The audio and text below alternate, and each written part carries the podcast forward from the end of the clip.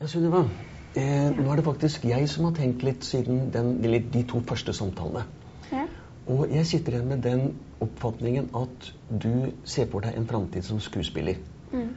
Og det kommer du til å jobbe mye for å få til. Men det kan jo tenkes at du ikke får noen roller som jeg spurte deg om. Ja. Da sa du at du kunne tenke deg å jobbe med andre mennesker, Ja. eller at du kunne bli psykolog. ja. Eh, for å bli psykolog, hva må du da gjøre? Nei, og det er jo her på Hils og i Lillehammer så går det jo an å ta sånne forelesninger. Det er jo bare grunnleggende. Ja, Men eh, faktisk så tar jeg psykologi som privatist eh, Aha, på skolen. ja, Mm. ja. Så jeg gjør meg på en måte litt klar for det, da, hvis det Ja, ja. skulle bli en mulighet. ja. Mm.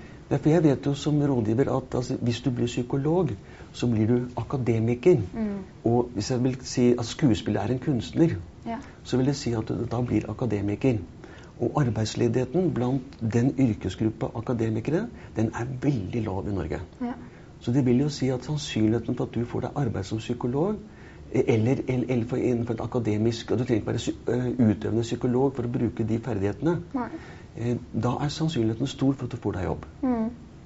Hva om du utdanner deg til psykolog først, og så prøver du å være skuespiller etterpå?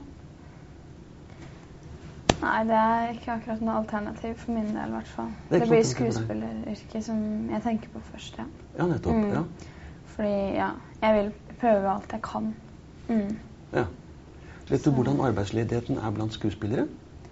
Nei, jeg er ikke helt sikker. Nei. Men eh, du må jo ha det lille ekstra, da. For å på en måte ja, være en god skuespiller. Mm, mm. Mm. Ja. Jeg hadde lyst til å snakke med deg om dette akkurat om du skulle velge den ene eller den andre veien i første Mm. omgang, nemlig. Ja. Ok. Lykke til. Jo, takk.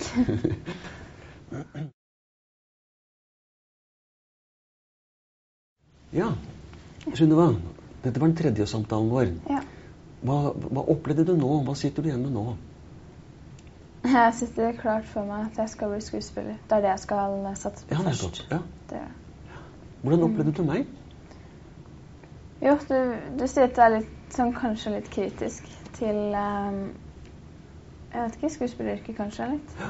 Siden du tenkte at det kanskje er litt uh, lettere å få jobb innen psykolog mm. innen hvis jeg skal bli psykolog. Ja. Mm, men uh, Eller det å jobbe med andre mennesker, for så vidt. Ja. ja. Mm. Så ja. Opplevde du det som støttende, eller hvordan syns du det var? Nei, det var egentlig helt greit, det. Det Helt var greit, ikke noe spesielt Nei. dilemma, egentlig. Nei. Men det er godt å høre. Ja. Da skal vi ha én samtale til i morgen. Mm. Greit. Da ses vi. ja, det gjør vi.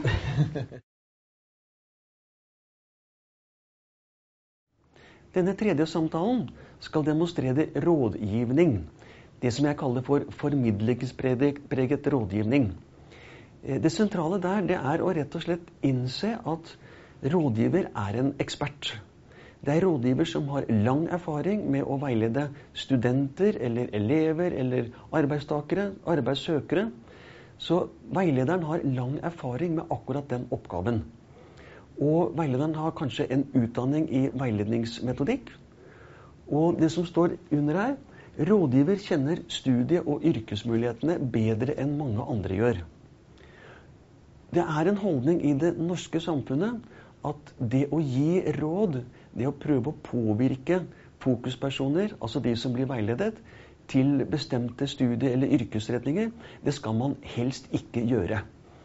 Men det er et eh, paradoks at eh, hvem er det da som, som påvirker studenten eller eleven? Er det mor? Er det en bestevenn? Jeg har f.eks. møtt elever som når jeg spør hvorfor har du valgt å gå på elektrikerlinja, så er svaret fordi kameraten min gjorde det.